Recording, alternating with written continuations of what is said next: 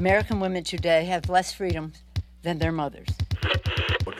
And these heat waves are becoming more frequent because of uh, climate change. Uh. Inflation in the euro area is undesirably high, and this is a great challenge. Every image is a new discovery, and each will give humanity a view of the universe that we've never seen before. Бойовий досвід і може приєднатися до оборони України, повинен негайно прибути до відповідних центрів комплектації.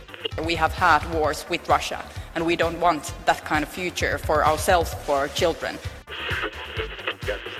Hasta la vista, baby!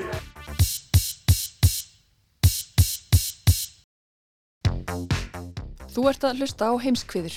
Þáttinn um allt sem gerist ekki á Íslandi. Ég heiti Sunna Valgeradóttir og ég heiti Birta Björstóttir. Stærsta fréttamálvíkunar er óumdilt. Það er andlát Elisabeth Regnarströtningar. Já, og verður líklega talsvert í fréttum í næstu viku líka. En við ætlum ekki að fjalla um Elisabethu í þættinum í dag, en það verður kannski síðar. En áhugasöfum á benda á að Elisabeth hefur reyndar verið reglulega til umfylgjunar í heimskviðum gegnum tíðina, til dæmis um sjónvastættina The Crown sem eflaust mörg eru að rifja upp þessa dagana og svo höfum við líka fjallað um aðgerða áallunna sem fer að stað þegar hún fellur frá. Það er að rifja þá þættu upp ef fólk hefur áhuga.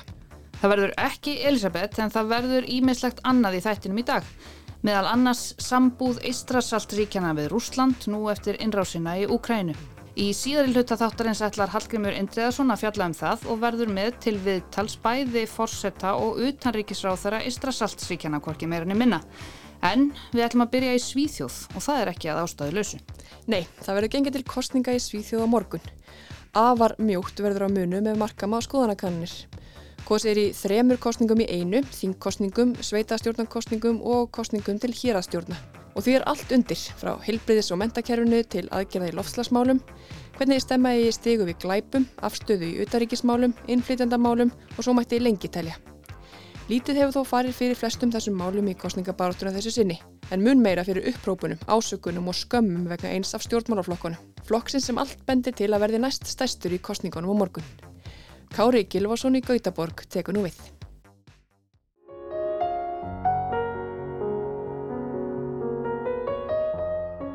Skoðanakonunum hefur öllum borið saman um tvent undanfarnar vikur í aðdraðanda kostningana hér í Svíþjóð.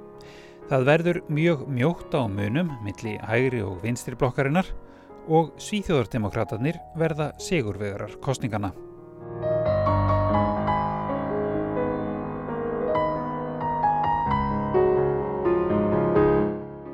Undanfarið kjörtímabil hefur verið stormasamt og viðbörðaríkt. Jafnaðarmannaflokkurinn er nú í minni hlutastjórn með stuðningi þryggja annara flokka og aðeins eins atkvæðis meiri hluta á þingi. Þingforsetin var kosin af hægri flokkunum og ríkistjórnin þarf líka að stýra landinu á grundvelli fjárlagafrömmvarps sem lagt var fram og samþygt af stjórnarandstöðinni. Ríkistjórnin sem nú situr er líka önnur ríkistjórnin á kjörtímabillu eftir að vantraust var samþygt á fyrri stjórn fyrir rúmu ári síðan vegna eins af þeim fjölmörgu pólitísku málum sem valdið hafa núningi milli stöðningsflokka stjórnarinnar. Og dramatíkin er ekki bara í ríkstagan á sænska þinginu.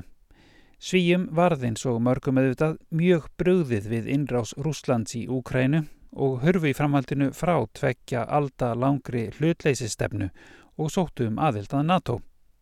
Landsmenn búa sig nú, auk þess, undir efnagskrísu, markvallt hærra orkuverð og svo eru það glæpagengin og skotárásir á götum borga og bæja.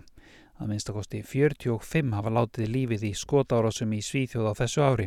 Yfir 250 skotárásir hafa verið gerðar og allt hefur þetta sett mark sitt á kostningabarotuna. Nu har du samma tonläge som du hade på toaletten här om dagen. Rekordlåga elpriser i Sverige och fram till dess. är fortfarande jag, jag måste faktiskt för en gångs skull instämma i det som Magdalena säger. på sju år. Okej, hörni. Það er ekki fyrða að það sé nokkur hiti í umræðum leitu og stjórnmálaflokkana nú rétt fyrir kostningar og hver tali upp í annan.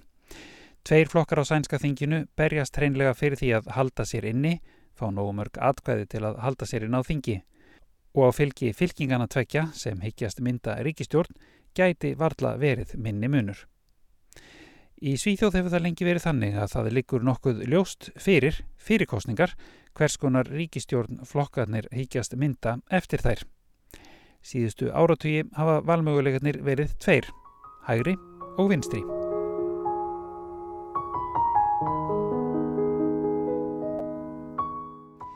Vinstriblokkin hefur almennt verið ríkistjórn jafnaðarmanna, stundum með græningum og stutt vinstriflokknum sem þó hefur lítið fengið í staðin fyrir stuðningsinn alla jafna. Hægriblokkin hefur verið skipuð mótir atana, kristilegum demokrautum, frjálslindum og miðflokknum, sendern. Síðustu ár hefur svo áttundi flokkurinn á sænska þinginu, Svíþjóðardemokraterni, sótt mjög í sig veðrið. Sáflokkur er af sömum skilgrendur sem hægri flokkur, þótt hann segist aðalega vera þjóðurnisinnaður og íhaldsamur, sosialkonservatív eða félagslega íhaldsamur. Flokkurinn hefur líka talsvert lagt upp úr velferðarmálum. Nú tilherir þessi flokkur því sem áður var kallað hægri blokkin en er nú oft kalluð íhaldsblokkin.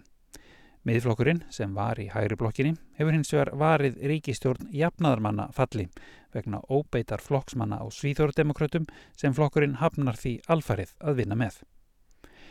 Munurinn á fylgi við þessar tvær blokkir er nú hverfandi lítill. Det är extremt jämnt mellan blocken. Magdalena Anderssons regeringsalternativ får 49,7 procent stöd medan Ulf Kristerssons sida får 49,3 procent i mätningen. Vinstri blokkin möguleg ríkistjórn Magdalenu Andersson, formans jafnaðarmanna og forsætisráþura, mæltist í vikunni með 49,7% fylgi. Hægri blokkin, möguleg ný ríkistjórn undir fóristu Úlf Kristersson, formans Moderatana, mæltist með 49,3% fylgi. Mönurinn innan við hálft prósentusteg. Þegar það er svona gríðarlega jamt millir fylkinga, þá skiptir öllu hver vel fólk mætir á kjörstað, segja fréttaskýrendur. Bara kannski 1% smunur á því hver vel flokkunum gengur að fá fólk á kjörstað getur haft avgerandi áhrif á úrslitin. Med det här jämna läget så blir mobiliseringen helt avgörande, det vill säga bara någon procents eh, skillnad i mobiliseringsgrad skulle ju kunna påverka valutgången väldigt tydligt. Að flokkur Svíþjóðardemokrata sé fullgildur hluti af fylkingu verði með í að mynda nýja ríkistjórn, það er langt í frá sjálfsagt. Flokkurinn á rætur í nínasista hreyfingunni og þar til á þessu kjörtífambili hafa allir aðrir stjórnmálaflokkar á sænska þinginu neitað að vinna með honum og í raun lítið vilja tala við fulltrú á flokksins yfir höfuð. Fyrir síðustu kostningar 2018 var það alveg skýrt hjá Ulf Kristersson, formanni hægri flokksins Moderatana, að hann ætlaði ekki að verða forsætisráð þeirra með stöðningi Svíþjóðardemokratana. Men Moderaterna har fler värderingsgränser. Vi kommer inte att regera med eller regeringsförhandla med Sverigedemokraterna. Við höfum ákveðin gildi og munum ekki stjórna með eða eiga í stjórnarmyndunar viðræðum við Svíþjóðardemokratana, sagði Kristisson fyrir fjórum árum og bætti við að einn af forsvarsmönnum Svíþjóðardemokratana hafi ítrekkað dreyði ef að gýðingar og samar væru alvöru svíjar. Þessi afstæða til flokksins hefur breyst á kjörtímabilinu. Í upphafi þess vildi Kristersson og kristilegir demokrater mynda stjórn með passífum stuðningi Svíþjóðardemokratana. Það er að þeir myndu verja hægri stjórnina falli án þess þó að fá nokkru að ráða um stefnu hennar. Nú bóða flokkarnir eins vegar fullt samstarf um stefnu og fjárlög nema hvað Svíþjóðdemokraterni eigi ekki að fá að setja í ríkistjórn. Vi vill samarbeta på riktigt. Þetta verður alvöru samstarf, sagði Kristinsson nýlega í viðtali við sænska ríkisjónvarpið. Flokkarnir þrýr hafa ítrekkað komið saman á kostningafundum, stundum með fjórðaflokknum, frjálslindum, sem er í raun klófin í afstöðu sinni. En það segja svíþjóðademokrater að það sé einmitt frjálslindis stefnan sem flokkurinn berjist helst gegn. Það er því ákveðin spenna í samstarfinu og svo er spurning hvort að gangi að halda svíþjóðademokratum utan ríkistjórnar. Formar flokksins, Dimi Åkesson, sagði í vikunni að kannski muni hægri flokkarnir neyðast til að leifa þeim að vera með, hvað sem þeir annars segi núna. Så det här är inte ett parti bland alla andra.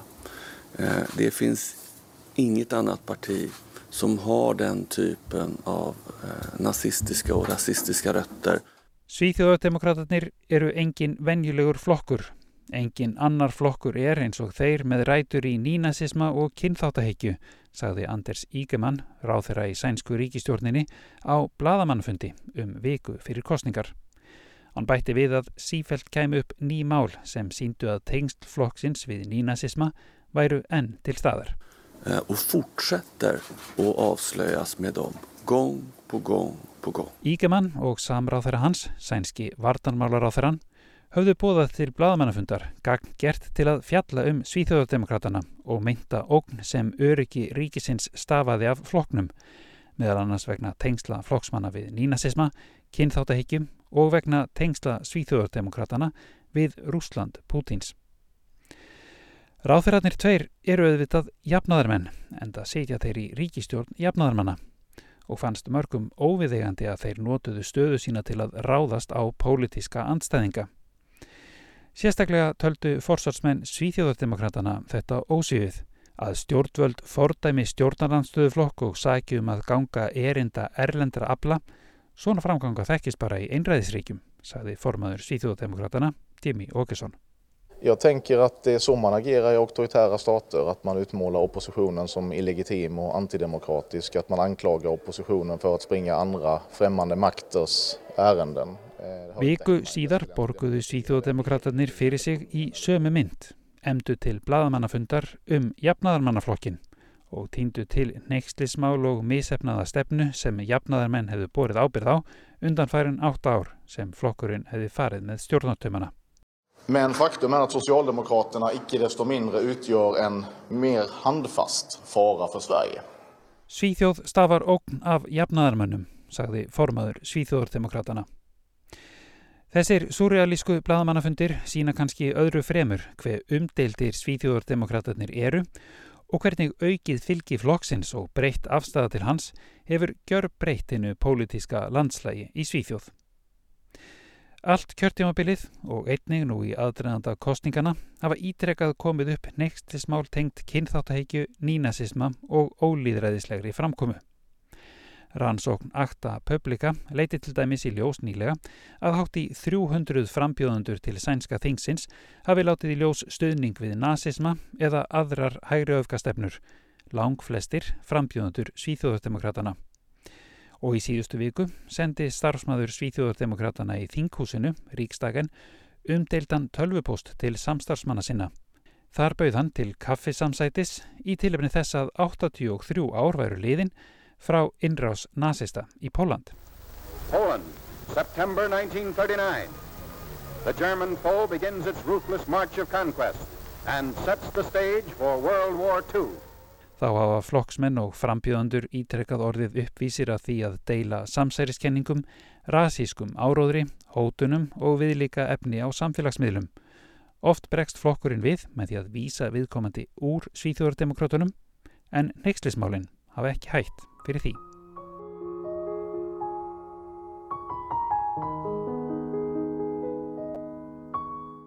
Enguða síður gengur flokknum vel.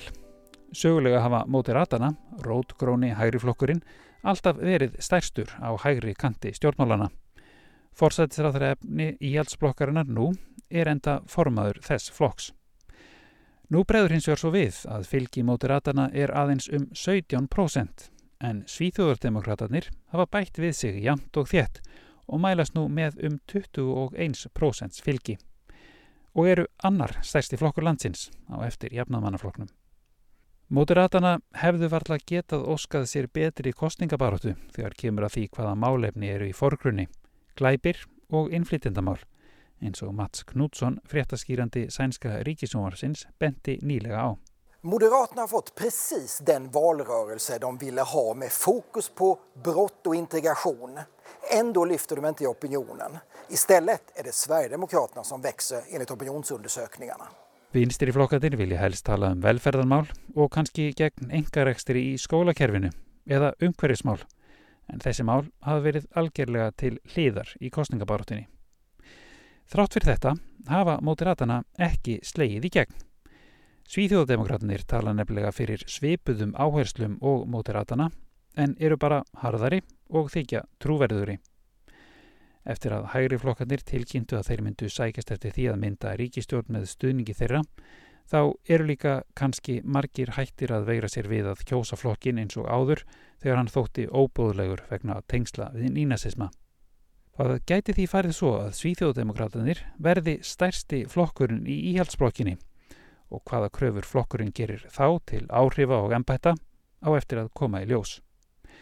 Það er því erfitt að sjá fyrir sér ró og frið á stjórnarheimilinu fari blokk íhalds og hægri blokka með sigur af holmi í kostningunum. En það er reyndar heldur ekki víst að það verði rólegra vinstramegin.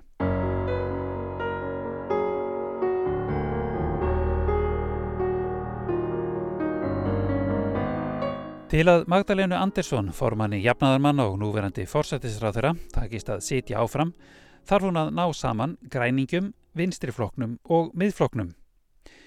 Miðflokkurinn er til hægri í stjórnmálum og tók til að mynda höndum saman með hægri blokkinni í fyrra til að setja fjárlög þvert á vilja hinna flokkana sem standa að ríkistjórninni. Miðflokkurinn vill líka ekki sjá vinstriflokkin koma nálagt neinum ákvörðunum en um leið krefst vinstriflokkurinn þess að fá að sitja í ríkistjórn. Miðflokkurinn vill lækka skatta, vinstriflokkurinn hækka. Miðflokkurinn vill draga úr takmörkunum á skóarhögg og ímsar framkvæmdir, en græningar þvert á móti setja strángari reglur til að styrkja umhverjusvend. Flokkarnir eru líka á öndverðu meiði í mentamálum, heilbyðismálum og svo mætti áfram telja.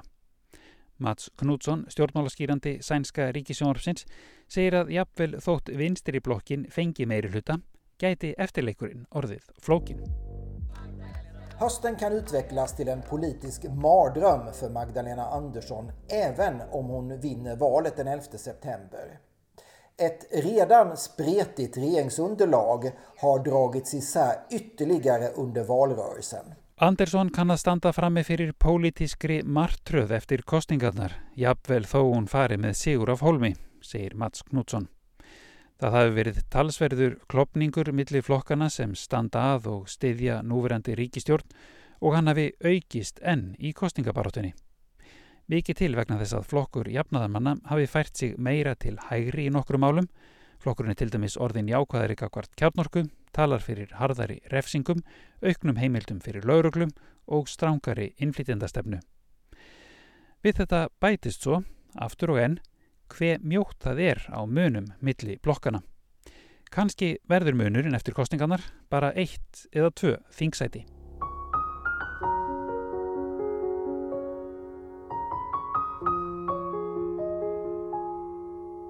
Ef til vill ber að skoða framgöngu Magdalenu Andersson í umræðum við áskoranda sinn í þessu ljósi.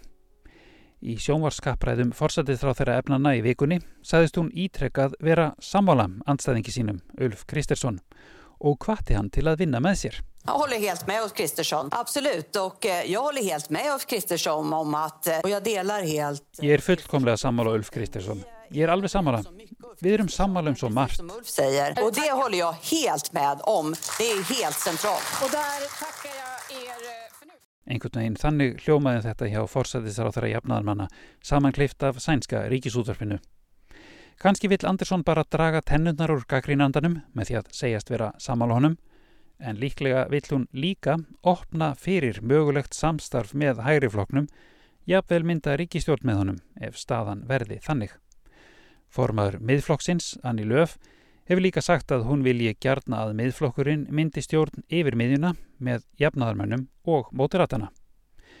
Fréttaskýrindur spyrjast því hvort sænska leiðin til að nálgast stjórnarmyndanir út frá tveimur fyrirfram skýrum valkostum sé hreinlega að verða úreld.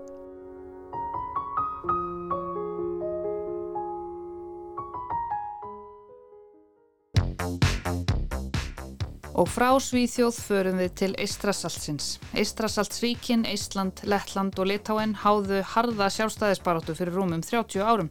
Og á þeim 30 árum sem liðin eru hefur nágranninn Rúsland verið svo litið fyrirferða mikill og það er ávalt búist við því að hann láti til skara skrýða, þó að oft hafi verið talað fyrir döfum eirum. Þessar áhyggjur hafa vaksið til muna eftir innrás rúsa í Úkrænu eins og máttu heyra á forsettum og utanríkisráþurum landana þegar þeir voru stattir hér á landi á dögunum. Hallgrímur Indriðarsson rætti návistina við rúsa við þessa þjóðarleitóa.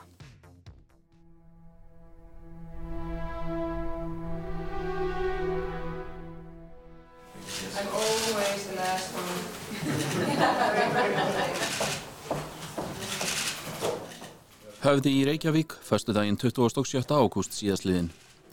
Utanrikis á þeirrar Eistrasaltsríkjana á Íslands skrifa undir framlengingu á áframhaldandi stjórnmálasambandi þessara ríkja. Þessi undirskrift var fyrst og fremst tákgræn og átti að fara fram fyrir ári þegar 30 ár voru liðin frá samskonar aðtöfn. Það frestaðist vegna heimsfaraldursins. 27. ágúst 1991 var stopnað til stjórnmálasambands Íslands og Íslands, Lettlands og Litáen og var Ísland fyrst til að stopna til slíks sambands við þessi ríki. Alar Karis, fósetti Íslands, rifjaði upp hvar hann var stattur þegar landið lísti yfir sjálfstæði 1991. I was back home. Two days before declared independence I was watching uh, Russian tanks coming from uh, Pskov and moving to Tallinn, to our capital. Ég var heima. Tveimur dögum áður en líst var yfir sjálfstæði var ég að horfa á rúsneskan skriðdrega á leið til Tallinn, höfuðborgar Eislands. Ég hugsaði um fjölskyldu mína og framtíði landsins, saði hann, og áréttaði í því samhengi mikilvægi þess að standa saman. Nokkuð sem hefur verið, og var það sannlega við þetta tækifæri, mikið leiðar stef í málflutningi leðtóana. Karis saði jáframt að norrænt eðli hefði líklega komið þessari frelsisbaráttu af stað. A sense of freedom is in our DNA and we value the human, human rights. And 30 years, as mentioned several times already, Estonians, Latvians and Lithuanians Frelsistilneying er í okkar eðli, rétt eins og hjá Norðurlöndunum og við metum mannréttindi mikils. Eistar, lettar og litáar höfðu lifað við afar slæm skilirði og verið svift grundvallar mannréttindum. Íslendingar hafa líklega áttað sig á þessu og viljað bregðast við því, segir Karis. Egils Levits, fósetti Lettlands, vann í auðaríkissaðuneyti landsins á þessum tíma og myndi á litlu hlutina sem skipta máli. I remember uh, when the first fax in our small Ministry of Foreign Affairs arrived, uh, it was uh, even smaller the whole ministry at this, at this house in, in the old city of Riga. Ég man eftir því þegar fyrsta faxið kom til okkar í litla ráðuneytið, húsnæðið sem var á stærð við höfða. Það var einstakt og með því sáum við að við höfðum unnið þessa baráttu fyrir sjálfstæði. Ísland varð fyrst til að viðurkenna sjálfstæði Eistrasaltsríkjana í februar 1991 þó að Gitanas Náseta fósetti Litáin hafi komið með smá útúrdúr í ræðusinn í Háskóla Íslands skömmu eftir aðtöfnina í höfða. The first country to recognize Lithuania's independence was not Iceland. It was Moldova. It was Moldovan Soviet Republic which was not independent, not recognized by international community. Fyrsta ríkið til að viðurkenna sjálfstæði Eistrasaltsríkjana var ekki Ísland. Það var Moldova. Sjálfstæði þess ríkis hafði hins vegar ekki verið viðurkent af alþjóðarsamfélaginu. Það dregur hins vegar ekki úr mikilvægi stuðnings Íslands, segir Náseta. En stuðningur Íslands við Eistrasaltsríkin á ekki að vera aðal umfjöllunarefni þessa pistils, nema svona rétt í bakgrunin. Samband þeirra við rúsa hefur í gegnum síðustu áratugi og jafnvel lengur einkennst af spennu og jafnvel dálitlum óta. Um það var leðtóðunum tíðrætt, bæði í ávörpum og í viðtölum sem við tókum við á.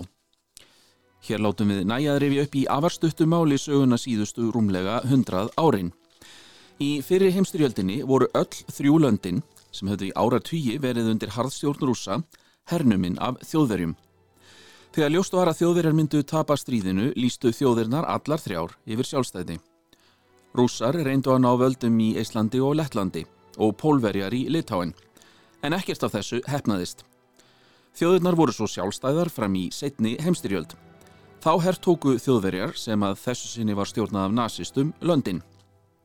Aftur töpuðu þjóðverjar stríðinu og í það skiptið endaði það ekki eins vel fyrir Eistrasaltslöndin.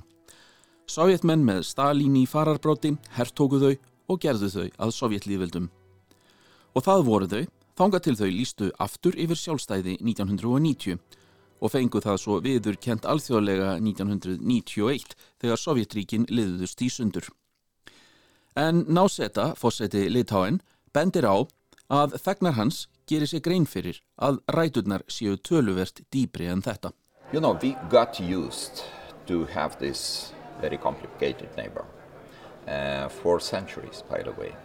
Because if you look at uh, 14th or 15th century, 16th century, you will see the same battles with the neighbor in the east. Við höfum vanist því að eiga þennan margslungna nágrana í austri. Ef við horfum aftur til 14., 15. og 16. aldar sjáum við samskonar baráttu við þennan nágrana, segir Náseta. Hann segir að kosturinn við þessa baráttu hafi þó verið að vegna hennar hafi þjóðin þurft að finna vini í vestri sem hafi tekist. Samstaða hafi tekist meðal þeirra um að standast þennan þrýsting úr austri. Gabrielius Landsbergis, utaríkis á þeirra Litáin, sem vill svo til að er barnabarn Vítátas Landsbergis sem varð fyrsti fósatisráð þeirra landsins eftir það hlut sjálfstæði, segir Litáa meðvitaða um þessar tilneyingar rúsa. Well, we've, we've known since the first days of independence that Russia is uh, the, one of the last empires in the world uh, that has all the premises of the uh, 19th century empire, that most of them have fallen already. Við höfum vitað frá fyrstu dögum sjálfstæðis að Rúsland hefur yfirbræð 19. aldar einveldis sem flest eru fallin. Rúsland hefur aldrei beðið ósigur sem einveldi, ekki einu sinni í heimstyrjöldinni. Þar var einveldistaða þeirra tryggð. Og endalók kaldastriðsins hafa ekki einu sinni leist upp þetta einveldi. Fyrir okkur öll, Eista, Letta og Litáa var það alveg ljóst að rússar myndur reyna að breyða út veldi sitt og ráðast á einhvern. And in 2008, we, you know, we rang the bell when uh, Russia first attacked Georgia. Um, not many people listened, unfortunately. And in 2014, they attacked Crimea. The first war in Ukraine started, and we said, look, this is happening. Árið 2008 vörðum við við þessu þegar rússar réðust fyrst inn í Georgíu. Því miður hlustuðu ekki margir þá. Árið 2014 þegar rússar réðust inn á Krímskaga sögðum við aftur, þetta er að gerast og þetta er að nálgast okkur, segir Landsbergis. Innrási nú hafið því ekki komið á óvart. Hér er þó rétt að benda á að staða Eistrasattslandana er ólík stöðu bæði Georgíu og Úkrænu aðalega af tveimur ástæðum. Eistrasattslöndin eru aðilar að Evrópusambandinu og, það sem er mikilvægara, þau eru aðilar að Atlasasbandalæginu. Sem þýðir að innrás í eitt þessara ríkja jafngildi innrás á þau öll sem myndi gefa Atlasasbandalagsríkjum ástæðu til að ráðast á Rúsland. Og bandalagið brást við eftir innrásina á Krímskaga með því að setja upp fjölþjóðlegar herdeildir í Íslandi, Lettlandi, Litáen og Pólandi með um 1000 til 1500 hermönum á hverjum stað. Fram að innrásin í Úkrænu hefur því verið talið ólíklegt að rússar séu að undirbúa árás á Eistrasatslöndin. En nú eru menn meira uggandi og eftir innrásina í Úkrænu hafa allar þessar herdeildir verið stækkaðar og þeim komið á fót í fleiri löndum, Búlgaríu, Rúmeníu, Slovakíu og Ungverjalandi.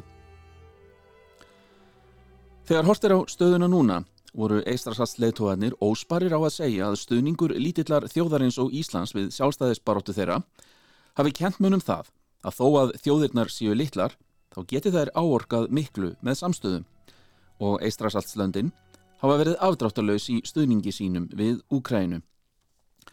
Náseta, fósetti Litáen, vísar áfram í söguna þegar hann talar um stöðuna núna. Tilgangurinn með innrás rúsa sé að auka spennuna í Evrópu. They start from Ukraine and of course if they will succeed in Ukraine I'm pretty sure that the appetite of Vladimir Putin and Kremlin's regime is much larger. This is not only about Ukraine. Þeir byrja í Ukrænu og ef þeim tekst ætlunaverk sitt þá er ég vissum að Vladimir Putin og stjórnöldi Kreml langi í meira. Þetta snýst ekki bara um Ukrænu, segir Náseta. Að sama skapi er hann vissum að ef Ukrænu tekst að sigra drægi það úr þeim metnaði rússa að endurreisa keisaraveldið. Það sé á endanum ætlunaverkið á einn eða annan hátt. Náseta rifjar upp þau umæli Pútins að hrun Sovjetríkjana hafi verið versti atbyrður 20. aldarinnar. Nú sé hann að reyna að endurreisa þau og nöðsynlegt sé að berjast á móti því. Fósetti Íslands, Alar Karis, gengur lengra þegar hann er spurður hvort hann hafi áhyggjur af því að hans land verði næst ef rússar ná markmiðum sínum í Úkrænu. Hann segir að það sé ekki rétta spurningin til að spyrja. Well, I don't know because it's, uh, it's always a question: is Estonia next or, or Lithuania next? It's not the right question because NATO is next or Europe is next, democracy is next. So it's not a question of. NATO er næst, líðræðið er næst, Evrópa er næst. Þetta snýst ekki um einstöku lönd, heldur ákveðin gildi. Og það ættu allir að hafa áhyggjur, líka Íslendingar.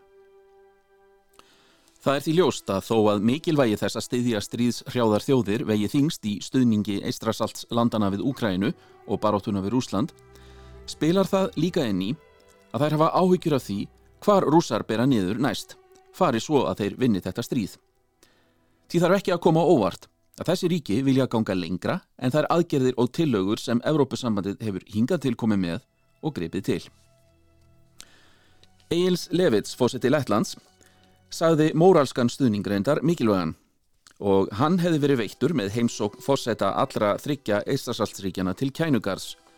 Slíkar heimsóknir telji Volodymyr Selenski fórseti Úkrænu afar mikilvægar.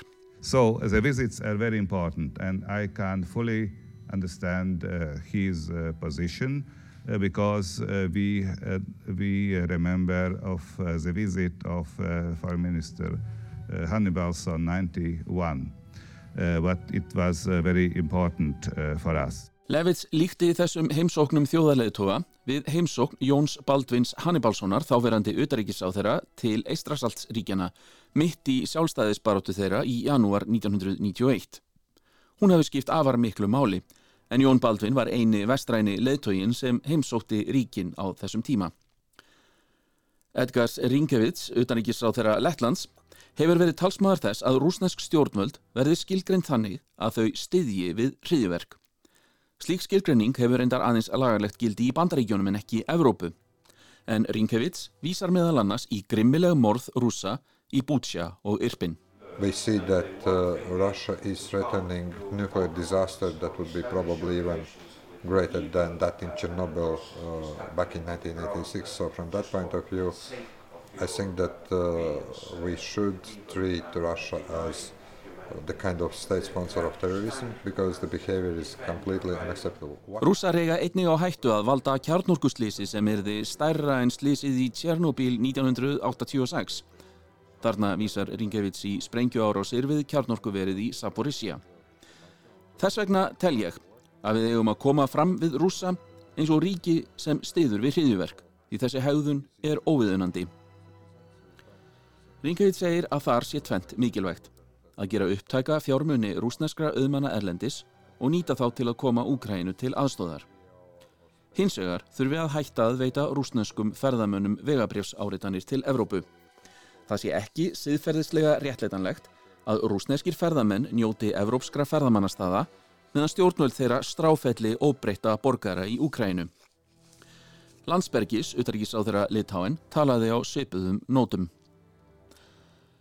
Eftir að þessi viðtöl voru tekin gerðist ímislegt í þessum málum á alþjóða vettvangi þó að ekki hafi verið gengið jafn langt og eistrasalts þjóðirnar vildu. Bandarækjaman hafa hafnað því að skilgreina rúsnesk stjórnvöld á þann hátt að þau styðji hriðjuverk. Utaríkis á þeirrar Európusambandsins samþyktu í síðustu viku að gera ferlið fyrir rússa til að fá vegabrjöfsáritun mun erfiðara en það var áður en meiri hluti ráðherrana var ekki á því að banna ferðir þeirra alveg. Eistrasaltslöndin ásand Pólandi ákáðu hins vegar að gera það frá og með miðjum september nema af mannúðar ástæðum. Gítanas Náseta fósetti Litáen vil líka að NATO geri meira til að styðja Úkrænu og gera það hraðar. Hann telur þó að það sem NATO hafi gert hingað til sé spóri rétt að átt. But unfortunately decision taking uh, is too long and sometimes the support comes too late. And what does it mean to the delay of the support? Additional uh, casualties, additional uh, killed people, destroyed civil infrastructure. Því miður tekur of langan tíma að taka ákvarðanir og stuðningurinn kemur of seint. Það þýðir að fleiri falla í stríðinu og meiri innviðir skemmast. Þess vegna viljum við að ákvarðanir verði ekki aðeins teknar eins fljótt og hægt er, heldur framkvæmdar eins fljótt og hægt er. Og við erum að sína fordæmi Vopnageimslur okkar eru næstu því tómar vegna sterkrar skuldbindingar okkar um að styðja við Úkrænu eins mikið og við getum. Og náseta segir líka að þetta sé barátta fyrir líðræði. I think this is belief of Vladimir Putin that democracies are weak. And we can pressure the democracies and uh, we can break the democracies because they cannot take the decisions fast. Ég held að Vladimir Putin telji að líðræðið sé veikt. Að hægt sé að brjóta líðræðið niður þar sem ákvarðan að taka gengur hægt. Það er deilt um málinn lengi og því standist ekki mikla pressu frá einveldum. Þarna held ég hins vegar að hann hafi, rétt eins og þegar hann hóf innrásina í Úkrænu, misregnað sig. Hann ætlaði að steipa ríkistjórninni af stóli og koma leppstjórn á í staðinn. En stríðið stendur enn, þar sem þessi hugrakka þjóð er að berjast fyrir bæði frelsi sínu og frelsi okkar. Are fighting for their freedom. For their freedom and for our freedom too. Og það eru þessi lokaorð, frelsi okkar, sem hafa þarna mikla þýðingu. Óttinn er augljós hjá Eistrasaltsríkjónum við það að ef þessu stríði líkur ekki með sigri Úkrænu, steytist í að rústnest okk verði viðvarandi í fleiri ríkjum, þar á meðal Eistrasaltsríkjónum.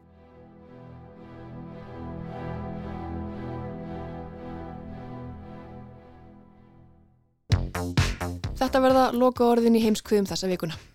Við verðum hér aftur að viku liðinni á sama tíma og það er alltaf hægt að nálgast efnið okkar í spilar og á hlaðvarpsveitum. Takk fyrir að hlusta.